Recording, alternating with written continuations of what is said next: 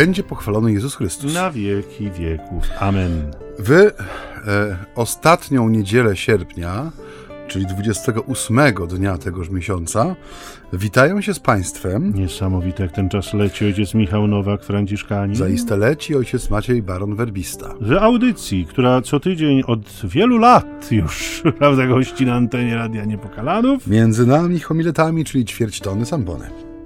Takie niedzielne rozchaworki przy stole z kawusią. Tak. Ale miło nam, że Państwo jesteście z nami. Wierzymy, że tam ktoś jednak jest po drugiej stronie. Magia Radia. Yy, O Ewangelii audycja. Ci, którzy są z nami długo, wiedzą. Ci, którzy być może dołączyli dzisiaj po raz pierwszy, muszą wiedzieć. O tym mówimy. Yy, Dzisiejsze słowo pochodzi z Ewangelii Świętego Łukasza. No i yy, czytam, żebyśmy wiedzieli, do czego się odwołujemy tak naprawdę. Gdy Jezus przyszedł do domu pewnego przywódcy faryzeuszów, aby w szabat spożyć posiłek, oni go śledzili. Potem opowiedział zaproszonym przypowieść, gdy zauważył, jak sobie pierwsze miejsca wybierali. Tak mówił do nich: Jeśli cię kto zaprosi na ucztę, nie zajmuj pierwszego miejsca, by przypadkiem ktoś znamienitszy od ciebie nie był zaproszony przez niego. Wówczas przyjdzie ten, kto was obu zaprosił i powie ci: Ustąp temu miejsca, a wtedy musiałbyś ze wstydem zająć ostatnie miejsce. Lecz gdy będziesz zaproszony, idź i usiądź na ostatnim miejscu, a gdy przyjdzie ten, który cię zaprosi, powie ci, przyjacielu, przesiądź się wyżej i spotkacie zaszczyt wobec wszystkich współbiesiadników. Każdy bowiem, kto się wywyższa, będzie poniżony, a kto się uniża, będzie wywyższony. Do tego zaś, którego zaprosił, mówił także: Gdy wydajesz obiad albo wieczerze, nie zapraszaj swoich przyjaciół, ani braci, ani krewnych, ani zamożnych sąsiadów, aby cię i oni nawzajem nie zaprosili. I miałbyś odpłatę. Lecz kiedy urządzasz przyjęcie, zaproś ubogich, ułomnych, chromych i niewidomych, a będziesz szczęśliwy, ponieważ nie mają czym tobie się odwdzięczyć. Odpłatę bowiem otrzymasz przy zmartwychwstaniu sprawiedliwych. Amen. Piękne Amen. słowo.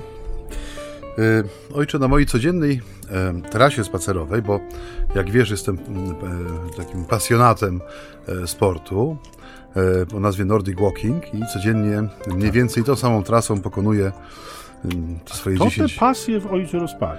Ojciec Michał. O, tada! Znam Ojciec człowieka. Michał, tak, Znam pamiętam, w Lublinie latem kiedyś przyszedł do mnie z kijkami, upocony jak nieboże stworzenie, wypił 3 litry wody na heksa tak zwanego, e, jednym haustem niemalże i wtedy się zapytałem, cóż to są za kije i dlaczego on z nimi chodzi, no i tak się rozpoczęło, że mi tak nieśmiało nabyłem sobie zestaw, no i od dwóch lat prawie codziennie z małymi tam przerwami staram się te swoje 13 tysięcy kroków O, minimalnie da. wydeptać. W każdym Do razie tego Państwa zachęcamy również. do ruchu, na świeżym powietrzu jest to zbawienne.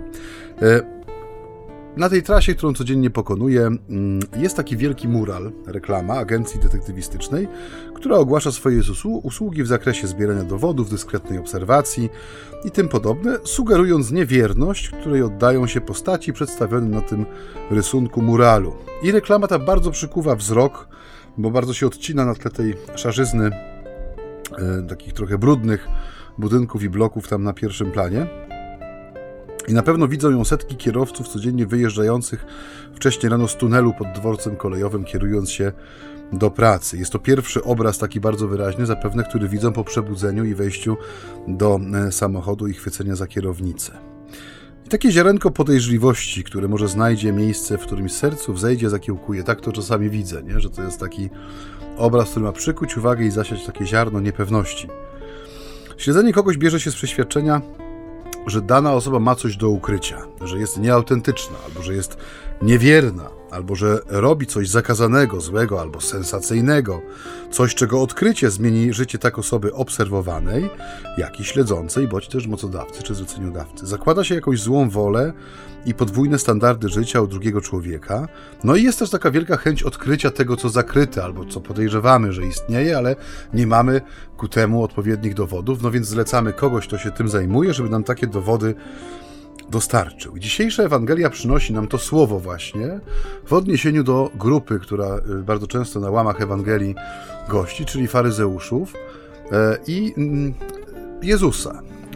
faryzeusze śledzą Jezusa. Znaczy inaczej albo wynajmują kogoś, kto to robi za nich, albo sami starają się w miarę dyskretny sposób gdzieś tam mm, za jakiegoś tak zwanego winkla czy zaułka śledzić Jezusa, no w celu wiadomym, żeby pochwycić go na słowie, uczynku czy jakimś innym wydarzeniu, które no będzie mm, wkładało im w ręce jakieś twarde dowody przeciwko Jezusowi. I kiedy siedziałem sobie nad tym tekstem, tak sobie pomyślałem, że jest to najbardziej absurdalne zdanie w dziejach, jeżeli chodzi o tego typu sytuacje. No bo Jezus jest jedynym, y, który nie ma nic do ukrycia tym sensie, że kiedy obserwujemy słowo, które stało się ciałem, Jezusa z Nazaretu, który jest wcielonym słowem Boga, to widzimy, że wszystko, co czyni, co mówi, każde jego działanie jest widoczne, jest przede wszystkim jednoznaczne i nigdy nie można powiedzieć o Jezusie, że on ma coś do ukrycia. Oczywiście nie mówimy tutaj o y, no, tym tak zwanym sekrecie mesjańskim, czy innych rzeczach, które w jakiś tam sposób zobowiązują uczniów chociażby do tego, żeby nie mówili o tym, ale chodzi mi o to, na co człowiek patrzy, że patrząc na Jezusa, zdaje sobie sprawę, że może, można y, żyć w taki sposób, żeby nie stwarzać wrażenie jakiejś podwójności standardów, podwójności życia właśnie, czegoś do ukrycia, czy jakiegoś sekretu, który y, no, rzuci cień na, nie wiem, do tej pory krystaliczną postać. A więc Jezus objawia człowiekowi prawdę, której sam jest fundamentem, zapowiada rzeczy, które w nim znajdują swoje spełnienie i powołuje wprost, kierując do człowieka proste słowo pójdź za mną. Nie, nie wręcza mu jakiejś tajemnej notatki z, z kodem, który trzeba będzie wystukać yy, przy stole, czy nie wiem, czy w, szybę okienną tam cztery razy, po trzy razy stuknąć. Nie, staje przed człowiekiem i mówi pójdź za mną. A jednak mimo to Jezus jest śledzony, nie? czyli jest ta nieufność względem Niego, jest podejrzliwość względem Jego czystości, że ona nie jest autentyczna, że pewnie jest coś, co ma do ukrycia, albo co sprawi, kiedy zostanie to odkryte, że no już nie będzie taki krystaliczny, już nie będzie tak porywał tłumów ten wątek śledzenia, no tak jakoś otworzył moją medytację nad tym tekstem, nie? że tu jest taki, no taki absurd się objawia, nie? że ten, który jako jedyny nie ma nic do ukrycia, no jest jak gdyby y, obiektem ataku ze strony tej naturalnej, wrodzonej ludzkiej podejrzliwości, nieufności. Ja z kolei może już krok dalej jestem w, na myśle. dalej. No, może nie zawsze, ale, ale dziś y, chyba już rzeczywiście ten wątek nie skupił mnie nadmiernie, mianowicie to, to śledzenie Jezusa, ale właściwie e, to, o czym chcę powiedzieć, bardzo mocno chyba również wiąże się z postawą takiej nieufności do Niego, do tego, co mówi, do tego, co objawia, do tego, jak się zachowuje, do tego, e, do czego On też tak naprawdę zachęca, bo no bo zobaczcie Państwo, czy to, co dzisiaj Jezus mówi, ten cały Jego wywód, to nie jest trochę taka zabawa nie, może inaczej, czy nie jest to jakaś zachęta do udawania, czy nie jest to jakaś zachęta do swoistej gry, nie? Bo zobaczcie, my chyba wszyscy mamy takie przekonanie, że udawana i nieszczera pokora i skromność no są czymś niesmacznym. Nie? One raczej zniechęcają do człowieka.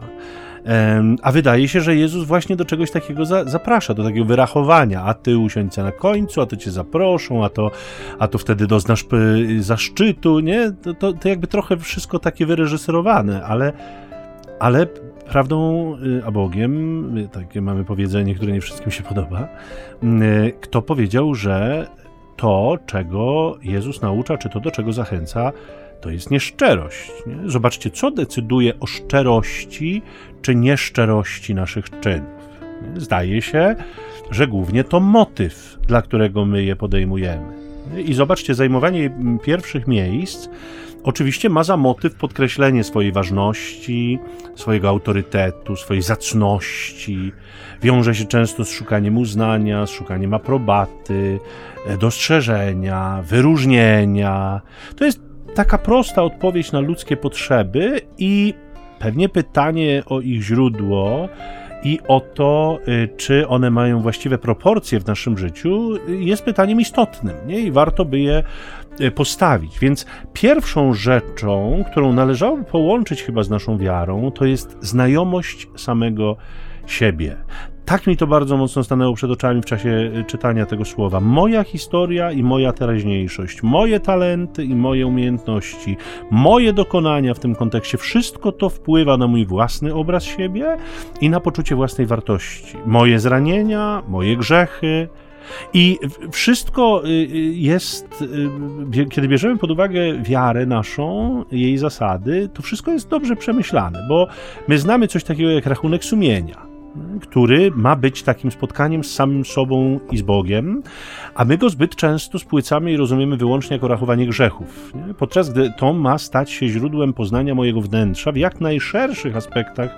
mojego człowieczeństwa, które powiedzmy sobie jest dla nas wszystkich nieco tajemnicze. I to, co powiedział Maciej u samego początku, że e, e, te agencje detektywistyczne zajmujące się śledzeniem, one mają odkryć jakąś tajemnicę, która nie jest nam dana e, na co dzień. Taki jest ich zamysł, a właściwie czasem, no wiemy też dobrze, to są takie szeptane prawdy, że czasem tego rodzaju agencje kreują pewne tajemnice, których nie ma tak naprawdę, ale no, jest zamówienie na to, żeby były, to, to Są się je. popularne, tak, jest to się je kreuje po prostu, no ale nie zmienia to faktu, że one zmierzają do tego, żeby jakieś tajemnice uczynić e, znanymi i mm, obna obnażonymi, żeby obnażyć pewne tajemnice. Natomiast to, e, co wydaje mi się dzisiaj, czy od czego wydaje mi się za, za, zaczynać ta historia, co nie jest oczywiście wprost powiedziane w tej Ewangelii, to jest znajomość samego siebie, nie? Żeby zobaczyć, jakie są motywy moich działań, jakie są motywy działań, które dzisiaj Jezus krytykuje chociażby, jakie są motywy, czy mają być motywy działań, które nam dzisiaj zaleca, bo o tych motywach decydujemy tak naprawdę my sami. No, niespodziewanie ojciec zakończył. Spodziewałem się dłuższego wywodu. Nie, nie, on może być dłuższy, ale ja, Mhm. prawda, dla zróżnicowania y, sposobów spojrzenia na to słowo już oddaję ojcu głos. No, ja znajomość ciebie się na pewno. Je, tak, znajomość ciebie jest na pewno takim e, dobrem deficytowym dzisiaj, bo no, tak jak żeśmy już to kilkakrotnie tutaj obnażali, że dzisiejszy człowiek, który staje przed nami jako słuchacz słowa, jako penitent w konfesjonale, czy w ogóle jako człowiek, którego spotykamy, nie wiem, na jakiejś, w jakiejś relacji duszpasterskiej, bardzo często y, y, jest w jakiś sposób y, dotknięty kryzysem tożsamości, nie? Tego, kim jestem, co to znaczy być e, człowiekiem, co to znaczy być chrześcijaninem, jakie jest moje miejsce w Kościele. To są pytania, które powinniśmy sobie zadawać nieustannie, ale bardzo często nie mamy na to czasu, chęci, no bo też ciągle gdzieś biegniemy, ciągle coś nas po- ponagla. I nie są to często sprawy Boże, ale sprawy doczesne, które no są bardzo frapujące i angażujące i wymagające od nas wiele czasu i poświęcenia. Ale ja wrócę na moment do tego, co mówiłem na początku, bo to jedno zdanie z jednej strony demaskuje, no, jak bardzo pokręconymi wewnętrznie ludźmi są faryzeusze, ale z drugiej strony też pokazuje, że ta postawa faryzejska, mówię tu bez, teraz bez cienia ironii, że ona jest y, no, w pewien sposób wpisana w ludzką naturę. To znaczy, e, ta wizja człowieka, którą noszą w sobie faryzeusze, czy uczyni w piśmie, ona jest zasadzona na takiej zasadniczej nieuf, nieufności względem człowieka, na braku zaufania i wiary w to, że to, co widzą i słyszą, może być prawdą, może być faktycznie wypełnieniem e, obietnic złożonych Izraelowi, na czele którego no, oni się sy- sytuują w jakiś sposób, czy roszczą sobie to prawo do, do przewodzenia. To zdanie, które kilkakrotnie pada w Ewangelii, nie? że Jezus patrząc na ludzi, którzy idą za Nim, e, był zdjęty litością, bo wyglądali na strudzonych i jak owce, które nie mają pasterza, nie? E, No kto, kto, kto miał im przewodzić, nie? Kto miał być ich, ich pasterzem? No ludzie, którzy w swoim sercu noszą właśnie to nie tylko ziarno już, ale wy- wybujały krzew nieufności, a jednocześnie przekonania o własnej sprawiedliwości. To tworzy niesamowitą przepaść między owcą a pasterzem. Jeżeli pasterz jest przekonany o własnej doskonałości, o tym, że, jest, e, że nic mu nie można zarzucić, a z drugiej strony patrzy na owce z wielką podejrzliwością, nieufnością, czy no, ten lud, który nie zna prawa, niech będzie przeklęty, nie? E, No to są słowa, które e, no, rysują pewien obraz, kim są ci ludzie, nie? Ale też mówię, zdradzają bardzo wiele na temat takiej uniwersalnej prawdy o człowieku. Że gdyby faryzeusze mieli okulary, to w ich ramkach byłyby takie szkła nieufności, podejrzliwości o bardzo dużej sile. E, I one zakrzywiają obraz świata, człowieka, Boga przede wszystkim. Ale oni nie znają innego obrazu. Ich szkła są przede wszystkim źle dobrane i dawno nieczyszczone. I w tych upaćkanych szkłach patrzą na najpiękniejsze wydarzenie w historii świata, czyli Boga, który siada do stołu z człowiekiem i patrząc nie widzą. I to jest dla mnie wielki dramat tej Ewangelii, tego fragmentu, który dzisiaj rozważamy, ale też wszystkich właśnie tych miejsc, w których ta słabość faryzeuszy, czy słabość ludzkiej natury no jest wyeksponowana, obnażona w jakiś sposób, no i woła jakiś ratunek. Teraz ja sobie skończyłem. Tym razem ojciec skończył Niespodziewanie, tak, tak. niespodziewanie. No dobrze, no to, to skoro tak, to może Remis. Remis. Remis i przerwa. I przerwa. Pięknie. To posłuchajmy czegoś z biblioteki tak nagrań. będzie. Radia Niepokalanów. Tadeusz tam coś wybierze dłuższego niż 7 sekund.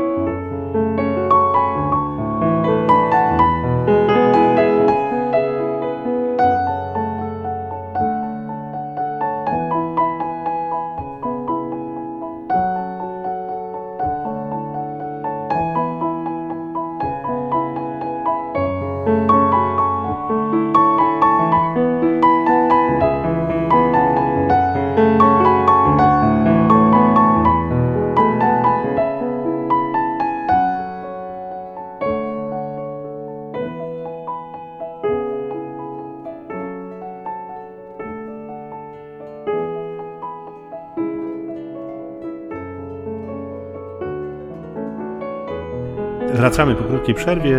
Drodzy Państwo, y, y, jakby prowadzimy tę myśl dwutorowo dzisiaj, odrobinę, jak Państwo zauważyli, co też jest dowodem po pierwsze na to, że nie konsultujemy naszych y, wypowiedzi wcześniej, że te audycje nasze w tym sensie są na żywo, że rzeczywiście każdy z nas przywozi jakiś swój materiał w znaczeniu owoc swojej osobistej medytacji, a po drugie, i to też jest ważne, pokazuje to nam, że to słowo można wielorako rozumieć, że ono trafia do każdego z nas w jakimś tam szczególnym momencie naszego życia, w jakimś szczególnym aspekcie odsłania przed nami swoją prawdę.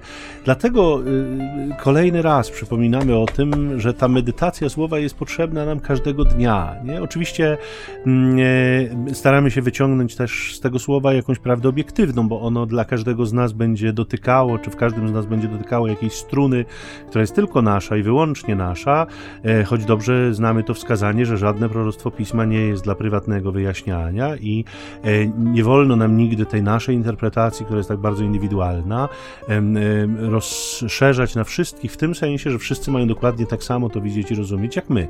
Możemy pewne rzeczy proponować i skądinąd my to robimy w naszej audycji, próbujemy to odczytać, odczytać to słowo jakby na różne sposoby, tak jak nam Pan Bóg to podpowiada, co ma dla Państwa stać się inspiracją, a nie przecież jedynym i absolutnie wyłącznym sposobem tego e, czytania tego słowa, bo tak nie jest, nie? Ale, ale to, co się dzieje w tych naszych audycjach, to sami Państwo widzą, jest dowód na to, że, że duch jest twórczy, duch odsłania e, przed nami poszczególne jakby płaszczyzny tego słowa, poszczególne obszary tego słowa, że to słowo brzmi wielorako w nas i tym z Państwem się dzielimy i to niech będzie też zachętą do, do tego, żeby no każdy sięgnął po słowo, nie? żeby każdy po, po, po jakby mm, w, w swoim życiu, w swojej codzienności je usłyszał, nie? dla siebie je usłyszał, bo Bóg chce je kierować przecież do każdego z nas indywidualnie. Więc wracam do tej mojej wersji, którą jakoś Pan Bóg wzbudził czyli tego kierunku samoświadomości, samoznajomości, do takiego, do takiego kierunku, w którym Jezus jakby sporo pozostawia naszej ludzkiej woli. Zobaczcie, trochę tak jakby mówił, ostatecznie to ty decydujesz o tym, co robisz i to ty decydujesz, dlaczego to robisz. Nie? Trochę tak jak kiedyś mówiliśmy tutaj, twoja wiara, twoja sprawa, mm, e, to można by powiedzieć twoje motywy, twoja sprawa. To ty je wybierasz, nie? a one decydują w jakiś sposób o wartości twoich czynów. Nie? Bo zobaczcie, każda czynność niemal może mieć bardzo zróżnicowane, a czasem wręcz skrajne motywy działania. Nie? No bo możemy oddać matkę do domu opieki społecznej po to, żeby się pozbyć problemu, a możemy oddać matkę do domu opieki społecznej, szukając jak najlepszego rozwiązania i wiedząc, że ona wymaga stałej opieki, której my już jej nie jesteśmy w stanie zapewnić. Chcemy dla niej dobra. Nie? Można wysłać syna do szkoły z internatem po to, żeby mieć sporo wolnego czasu i żyć swoim życiem, a niech kto inny zajmie się wychowaniem mojego dziecka, a można mm, jakby w spotkaniu z nim i w dialogu z nim no, pokazać mu, że to ma znaczenie, bo na przykład szkoła jest dobra i, i będzie to miało znaczący wpływ na jego przyszłość i, i być może będzie to jakaś przygoda jego życia. Nie? I, I tak dalej, i tak dalej. Moglibyśmy tych wydarzeń przywołać całe mnóstwo, w których tego rodzaju rozważania można prowadzić. Ale Pan nam dzisiaj pokazuje, że to my mamy sami wpływ na kształtowanie naszych motywów i to jest element, jeden z licznych elementów zapomnianego trochę tematu, a niesłychanie ważnego w naszej wierze, a mianowicie tematu samowychowania, a inaczej mówiąc, e, pracy nad sobą. To był temat, który w duchowości katolickiej miał swoje miejsce, tak to określaliśmy w Kościele katolickim. Natomiast dzisiaj, y, tak jakby nam się trochę wydawało, że wychowanie y, to jest domena młodości, no i to z czasem się po prostu kończy. Tymczasem rzeczywiście Pan nam pokazuje, że ono trwa w zasadzie do końca życia. Zmienia się tylko osoba odpowiedzialna, bo o ile dawniej oczywiście to był ktoś dorosły, kto był odpowiedzialny za nasze wychowanie, o tyle dzisiaj ja sam jestem za siebie odpowiedzialny. Nie? Moje życie e, dziś nie polega na jakimś, nie wiem, odcinaniu kuponów czy zbieraniu owoców dawnej pracy kogoś innego, chociaż oczywiście niewątpliwie jakiś fundament we mnie został położony. E, ktoś mnie już jakoś ukształtował, ale czy to oznacza, że nic nie można we mnie zmienić? No nie, to, e, to byłoby prawdziwe przekleństwo, nie? zwłaszcza dla tych, którzy zostali w jakiś nie do końca właściwy sposób ukształtowani, uformowani, odebrali kiepskie wychowanie, nie mieli kiepskie wzorce. Dlatego y, oczywiście, choć mądre jest powiedzenie, czym skorupka za młodu nasiąknie, tym na starość trąci, to jednak my mamy wpływ na siebie samych do późnej starości i nie wolno nam o tym zapomnieć. Nie? I ta praca nad sobą ona, to też oczywiste, jest trudniejsza z wiekiem a przynajmniej nie prowadzi do tak szybkich i spektakularnych sukcesów jak w młodości. To ja porównuję zawsze, już też chyba to robiłem kiedyś w naszej audycji, ale przywołam to jeszcze raz, ten obraz sprężyny i prętu. Nie? Kiedy jesteśmy młodzi, elastyczni, do wielu sytuacji jesteśmy w stanie się dopasować, trochę jak sprężyna, którą można wyginać w prawo, w lewo, bez szkody, bez uszczerbku dla niej samej. Nie można robić różne takie ekwilibrystyczne kombinacje z tą sprężyną. Natomiast z czasem w tym naszym życiu zamieniamy się odrobinę w pręt. Nie? Pręt, który owszem również ma jakieś tam, jakąś skalę elastyczności, ale wpływ na ten pręt jest już mocno ograniczony i on musi być zupełnie inny niż sprężyna. Nie? To, tego się nie da wyginać w prawo i w lewo, jak mi się podoba. Owszem, można, ale to trzeba podgrzać, to trzeba głaskać, to trzeba delikatnie, bo można złamać, można potem to skleić, spawać razem, no, ale będzie to znów słabsza konstrukcja, więc oczywistym jest, że dobrze jest mm, w taki sposób y, łagodny i delikatny działać na, na pręt inny zupełnie niż na sprężyny. Więc te, ta nasza praca nad sobą, ona musi być dostosowana do etapów naszego życia, do etapów naszego wzrostu i dojrzewania, natomiast musimy no, takie założenie sobie poczynić, że to nasze dojrzewanie i wzrost, ta nasza praca nad sobą, ona się nie kończy nigdy w perspektywie przynajmniej tego ziemskiego życia, o którym wiemy, bo tego przyszłego życia wiecznego nie, nie zgłębiliśmy jeszcze, nie wiemy jak będzie, natomiast jak, wiemy jak jest, nie? Do samego końca, dopóki, zwłaszcza no, głowa pracuje, bo oczywiście trudno oczekiwać oczekiwać od kogoś, kto, kto nie, nie rozpoznaje miejsca i, i, i ludzi, którzy są wokół niego, żeby podejmował realną pracę nad sobą, ale dopóki mamy możliwość, dopóki ta nasza głowa działa, no, dopóty jesteśmy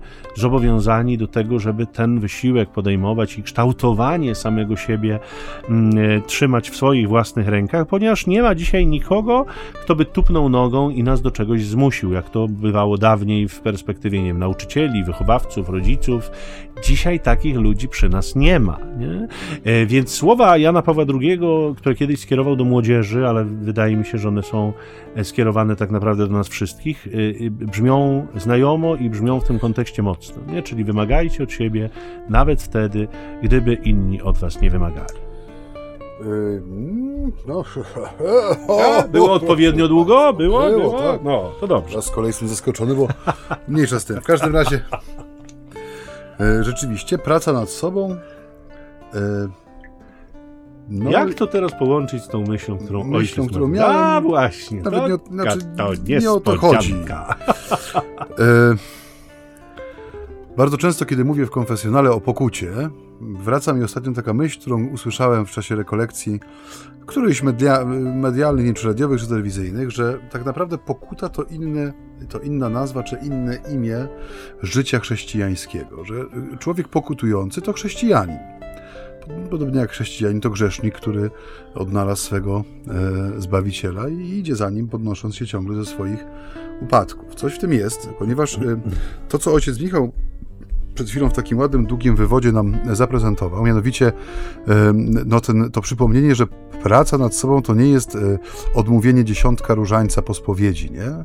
tylko to jest rzeczywiście praca nad własnymi odruchami, nad własnymi postawami, nad tym, w jaki sposób przeżywamy swoją wiarę, jak budujemy relacje z drugim człowiekiem w oparciu o to, w co wierzymy, że jest to proces, który nie kończy się właściwie nigdy, dopóki żyjemy, że jest to proces, który też powinien, znaczy nie powinien być widziany jako przykry obowiązek, ale jako pewna radość współpracy z łaską, tak? No bo wierzymy jako chrześcijanie, że cokolwiek dzieje się w nas i w naszym życiu, dzieje się za zgodą i z woli Bożej, tak? Że jest to jakiś przejaw łaski, która w człowieku pracuje. I dlaczego dzisiaj jest tak trudno mówić o pracy nad sobą, takiej rzetelnej, czasami długotrwałej, czasami trwającej calutkie życie?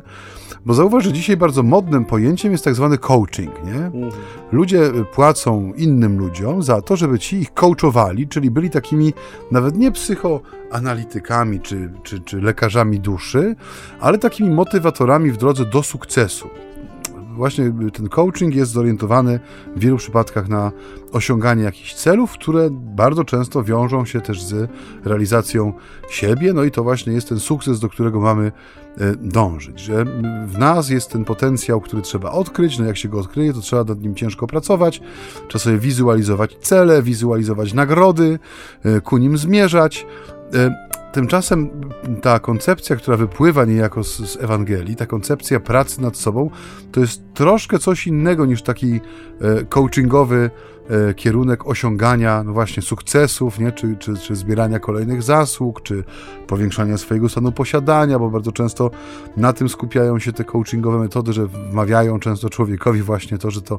bogactwo, które na niego czeka, jest tuż za rogiem i wystarczy właśnie kupić ten podręcznik za jedne 39,99 i wysłuchać e, ten przygotowanych materiałów audio czy wideo i już ten sukces będzie naszym udziałem. Nie. Jezus dzisiaj pokazuje ten obraz pracy nad sobą, wydaje mi się także w tym odniesieniu się do miejsc, które są zajmowane. Nie?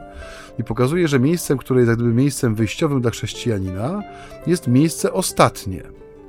Dlaczego miejsce ostatnie? Nie ma to nic wspólnego z fałszywą pokorą czy z jakimś e, celowym poniżaniem się w oczach innych, ale jest to miejsce autentycznie zajmowane przez człowieka. Znaczy, my nawet jeśli o tym nie wiemy, to jesteśmy na ostatnim miejscu. W tym sensie, e, no, cały nasz potencjał, wszystko, co my możemy zrobić, to, co chcemy często robić, wiele z naszych przedsięwzięć i wysiłków, które y, no, mitrężą nam czas i zasoby, no one są nieskuteczne, nie? One są no, małe względem wyzwań, y, małe względem tego, co trzeba byłoby zrobić. Y, I rzeczywiście człowiek zajmuje miejsce ostatnie, ale to jest dobre miejsce, nie? Bo to jest miejsce, które wyznacza mu też Chrystus. On bierze swój krzyż i stawia go w absolutnie ostatnim miejscu. Nie? Kiedy przychodzi na świat, dokonuje się to też w ostatnim miejscu, jakie można sobie wyobrazić. Nie?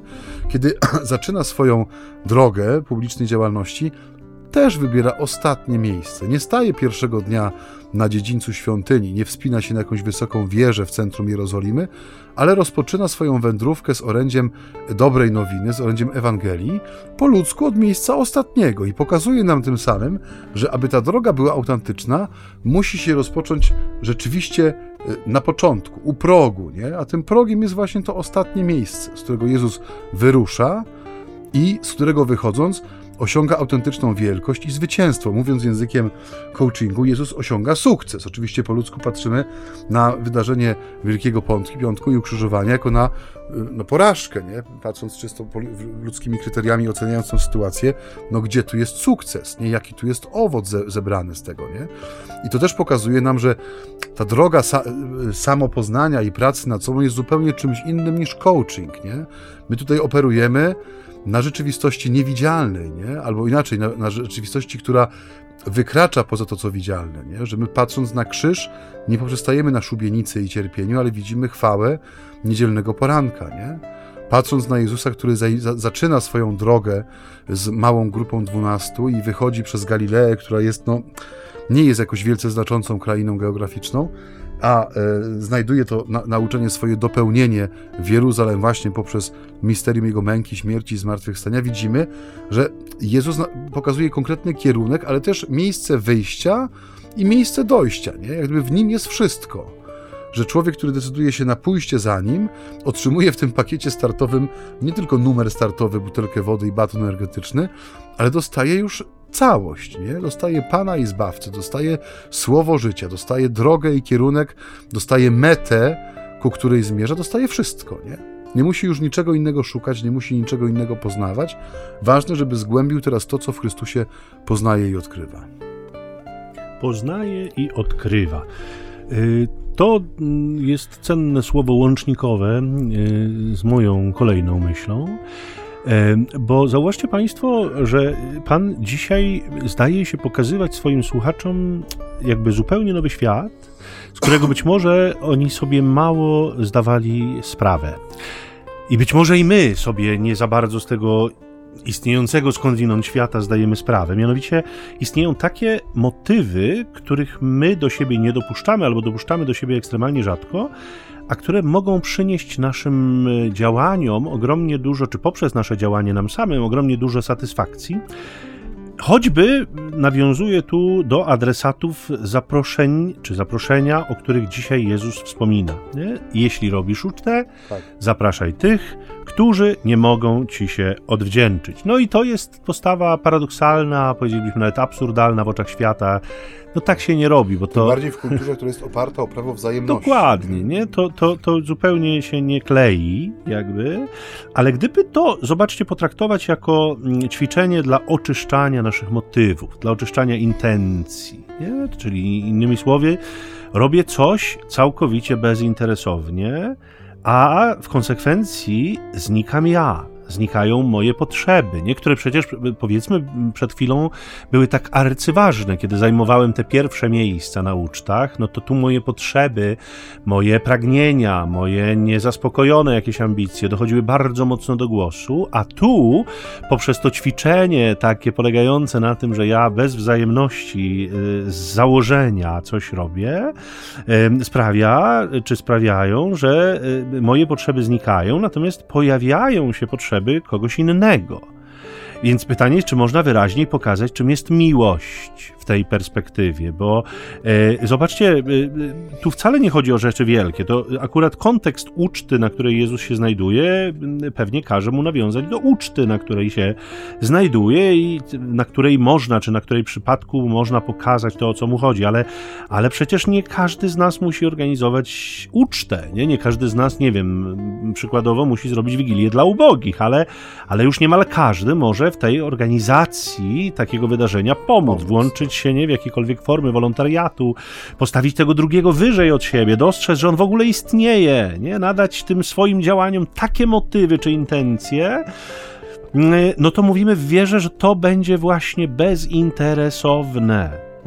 Może w konsekwencji uda nam się nawet dotrzeć do takiego poziomu, że o pracowaniu na własne zbawienie, o nagrodzie wiecznej nie będziemy myśleli, bo i to ostatecznie będzie nam się jawić jako forma, yy, czy nie będzie nam się jawić, nie? jako forma jakiegoś zadośćuczynienia czy wdzięczności, bo Pan nas wychowuje ku temu, żebyśmy dawali i no, przekonali się, że więcej szczęścia jest w dawaniu, aniżeli w braniu, jak w dziejach apostolskich słyszymy, skądinąd słowa przypisywane Jemu samemu. Jak powiedział nam nasz Pan, więcej szczęścia jest w dawaniu, aniżeli w braniu. A więc zobaczcie, że że, ta praca nad sobą, ona ma nas prowadzić do czegoś, co w chrześcijaństwie jest zasadą, mianowicie do altruizmu nie do egoizmu i egocentryzmu, że ja jestem ważny i to, co moje jest ważne i ważne, żeby mnie było dobrze, a nawet jeżeli mi wystarczy jeszcze i zostanie, no to przecież mogę się wspaniałomyślnie z kimś podzielić. Wtedy e, ta moja potrzeba dobroczynności w jakiś sposób zostaje zaspokojona.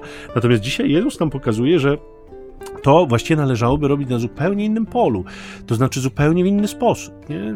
nie jak mi zostanie, ale z tego, co ja przeznaczyłem dla samego siebie, z tego, co ja chciałem użyć dla siebie, z tego, co miał być tą, tym takim mm, wypełniaczem moich potrzeb, pragnień, marzeń, tęsknot, wyobrażeń, żeby zrobić z tego użytek od razu dla drugiego i że to może przynosić satysfakcję, że to może dawać radość, że to może wprowadzać jakby zupełnie w nowe światy, które, tak jak powiadam, na co dzień raczej są nam nieznane, mało je eksplorujemy, mm, niekoniecznie jesteśmy nimi zainteresowani, bo nie wyobrażamy sobie, jakaż radość mogłaby tam na nas czekać. Nie? Tymczasem wielu ludzi, i to, drodzy Państwo, to też jest fenomen, bo przecież wszyscy jesteśmy medialni, oglądamy tam te telewizory, nie? Te, te, te internety, to przeglądamy, no, napotykamy przecież na różne reportaże, na ludzi, którzy oddali swoje życie innym ludziom, nie? I rzeczy, które oni opowiadają, są częstokroć niesłychanie poruszające, nie? Mówią, że to wtedy dopiero zaczęli żyć, kiedy ten drugi zaczął się liczyć, nie? Kiedy, kiedy oddali swoje życie na, na,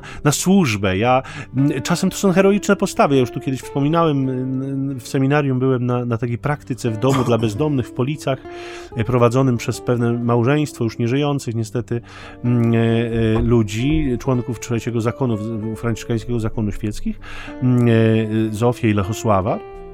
I to y, doświadczenie pokazało, to byli ludzie, którzy na pewnym etapie po prostu wyrzekli się wszystkiego, co mieli, sprzedali, co mieli, zamieszkali w jakichś starych budynkach po elektrowni i założyli przystań dla bezdomnych, którą sami prowadzili i, i tam z nimi żyli, jedli to samo i, i, funkcjonowali jakby z nimi na tym samym, na tej samej płaszczyźnie, jakby no takiego ubóstwa franciszkańskiego. Ale nie zmierzam do tego, żeby wszyscy zrobili dokładnie to samo, tylko zmierzam do tego, że to byli niesłychanie pogodni ludzie, tacy bardzo pokorni, ale, ale bardzo szczęśliwi szczęśliwi w swoim życiu, nie? Zrobili wiele wcześniej, wydali dzieci tam za mąż, córki, syn jest franciszkaninem, y, mieli swoje sukcesy, radości życiowe i, chcieli jeszcze dać siebie innym, nie? Mieli jeszcze co dać wiedzieli, że mają. I, I rzeczywiście dając to, wchodząc w taki dar z siebie, w taką no, ofiarę skądinąd, bo to była pewnie duża zmiana, kiedy jej dokonywali w swoim życiu, oni z tego czerpali radość. Nie? I my to, zmierzam do tego, że my to widzimy, my, my słuchamy takich ludzi, my kiwamy głowami, mówimy, no, mm, no ładne to, ładne, ładne, ale w żaden sposób, w żaden sposób nie wyobrażamy siebie w podobnej sytuacji, w podobnej, ja nie mówię w takiej samej, ale w takiej sytuacji, która by naruszyła ten status quo, który przeżywamy w codzienności, ten nasze dobra, które są, e, są tak cenne dla nas, a właściwie czasem bezcenne i już nie chodzi tylko o dobra materialne, ale o takie dobra jak święty spokój, nie? O to, że ja sobie mogę tam po południu odpocząć, nie? To są takie, e, każdy świat ma swoje jakieś dobra, nie? Ja pamiętam swego czasu nasz rektor opowiadał nam w seminarium, że miał takiego przyjaciela we Włoszech, e, współbrata naszego, którego kiedy odwiedzał, no to mówi, ja przyjeżdżałem do niego z nadzieją, że sobie usiądziemy i wypijemy zimne piwko wieczorem, a, a on do mnie mówił, słuchaj, dzisiaj jest jakieś spotkanie charyzmatyków gdzieś tam, wsiadamy w samochód, jedziemy tam spowiadać, nie?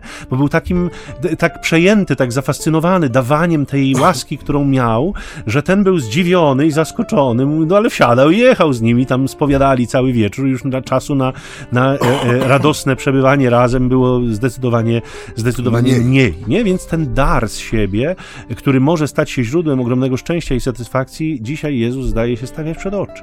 Mhm. No pięknie, ojciec tak to rozwinął, że właściwie można by z tego zrobić osobną audycję. Oczywiście, ale niechże ojciec jeszcze to dopełni. No ja już nie wiem za bardzo czym. Oj tam, oj tam.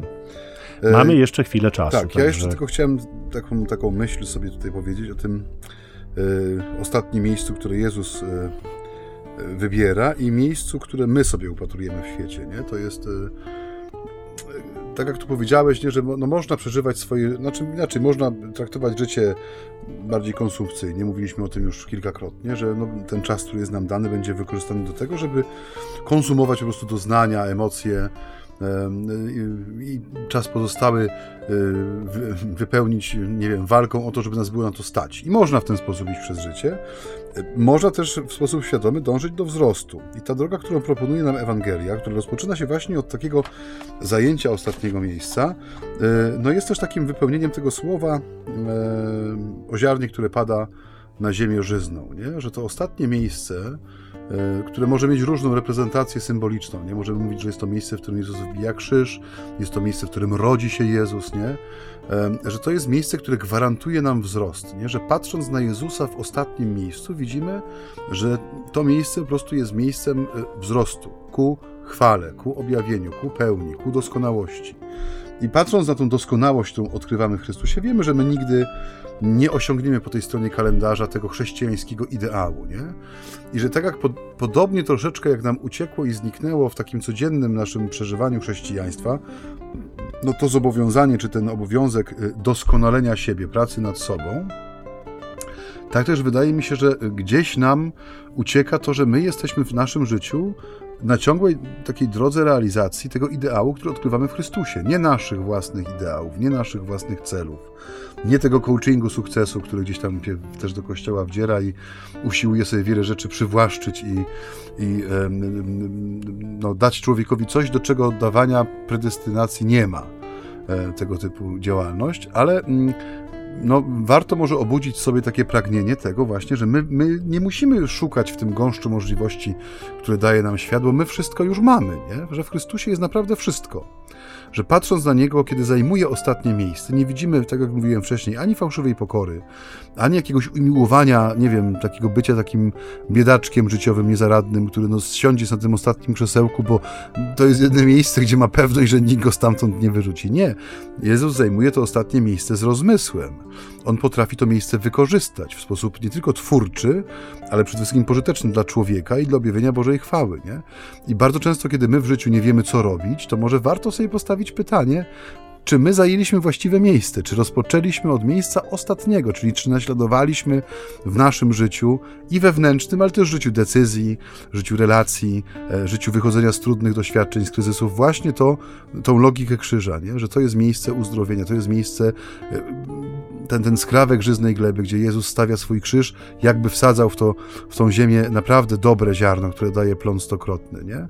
Czy to jest miejsce rzeczywiście, w którym ja czuje się u siebie. Nie? Bo jeżeli człowiek zaczyna pozycjonować siebie trochę wyżej, albo nieco z prawej, albo nieco z lewej, bo właśnie ku górze, ale sam sobie to miejsce nadaje, no to bardzo często ten wzrost, który my się spodziewamy czy oczekujemy, on nie przyjdzie, nie? Może przyjdzie nam jakiś sukces, nie? Może przyjdzie nam po ludzku jakiś, nie wiem, podniesienie naszych kwalifikacji, czy podniesienie tego, jak jesteśmy postrzegani przez innych, ale na pewno nie będzie to miało nic wspólnego z tym rozwojem i tym wzrostem, który człowiek wierzący powinien w sobie nosić, nie? Jak nosi się dobre ziarno i wkłada e, w miejsca, które gwarantują wzrost.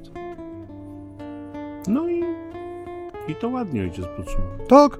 Tak Starałem myślę. się, dziękuję. tak myślę. Proszę ojca Tadeusza, czy czas już na nas? Czas na no, nas. Czas na no nas, właśnie, tak. tego się obawiałem, bo to zawsze jest za mało mhm. tego czasu.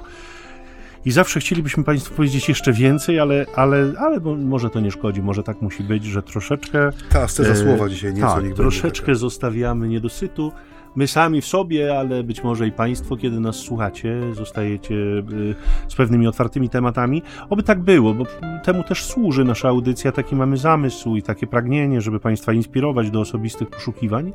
Mm, niech więc tak będzie i jeśli tak jest, to jesteśmy y, najbardziej szczęśliwi, bo cel zostaje osiągnięty wtedy. Y, gotowe rozwiązania no, są jakimś mm, wariantem, ale nie, na, nie satysfakcjonującym nas ostatecznie. Więc jeśli Państwo y, zechcą podrążyć temat i, i, zastanowić się sami, co słyszycie w tej dzisiejszej Ewangelii, to jest nasz największy sukces. Natomiast my, rzecz jasna, zachęcamy do kontaktu z nami. Zawsze możliwe są te y, sposoby, które podajemy w co którejś tam audycji. Może dzisiaj nie będziemy ich znowu Tak, osta- Jakby tak. ostatnie niedziele wakacji już za nami, jest rok szkolny, jesteśmy zajęci. Tak, to myślę, że powiemy Państwu we wrześniu, co tam za y, metody komunikacji z nami istnieją. A jeszcze się cieszymy tym wakacyjnym luzem. Tak, jest luz i y, nie wiem, czy ojciec ma luz w tej chwili, ale, ale no, ja tam chyba nieko, niekoniecznie pod koniec Ja świata. troszkę tak. Tak? no tak. Może, No nawet, jest, może nawet jestem na O urlopie. ludzie, jak my ojcu zazdrościmy, mój ty świeć. Proszę ojca, no to mm, dobranoc się z Państwem. Dobranoc się z Państwem. Tak. bo być może Państwo słuchają nas wieczorem. Tak czy owak, dziękujemy za uwagę, dziękujemy za ten dzień, za tę możliwość spotkania się z Wami na antenie Radia Niepokalanów. No i prosimy Cię, Macieju, żebyś nas y, na zakończenie Tak. pobłogosławił. Niech Was błogosławi, zachowa od wszelkiego zła Bóg Wszechmogący, Ojciec i Syn i Duch Święty. Amen. Trwajmy w pokoju Chrystusa. Bogu niech będą dzięki za dzisiejsze spotkanie. Dziękuję Państwu. Ojciec Michał Nowak, Franciszkani. I ojciec Maciej Baron Werbista, Pokój. uroczo machając do Państwa. Tak jest.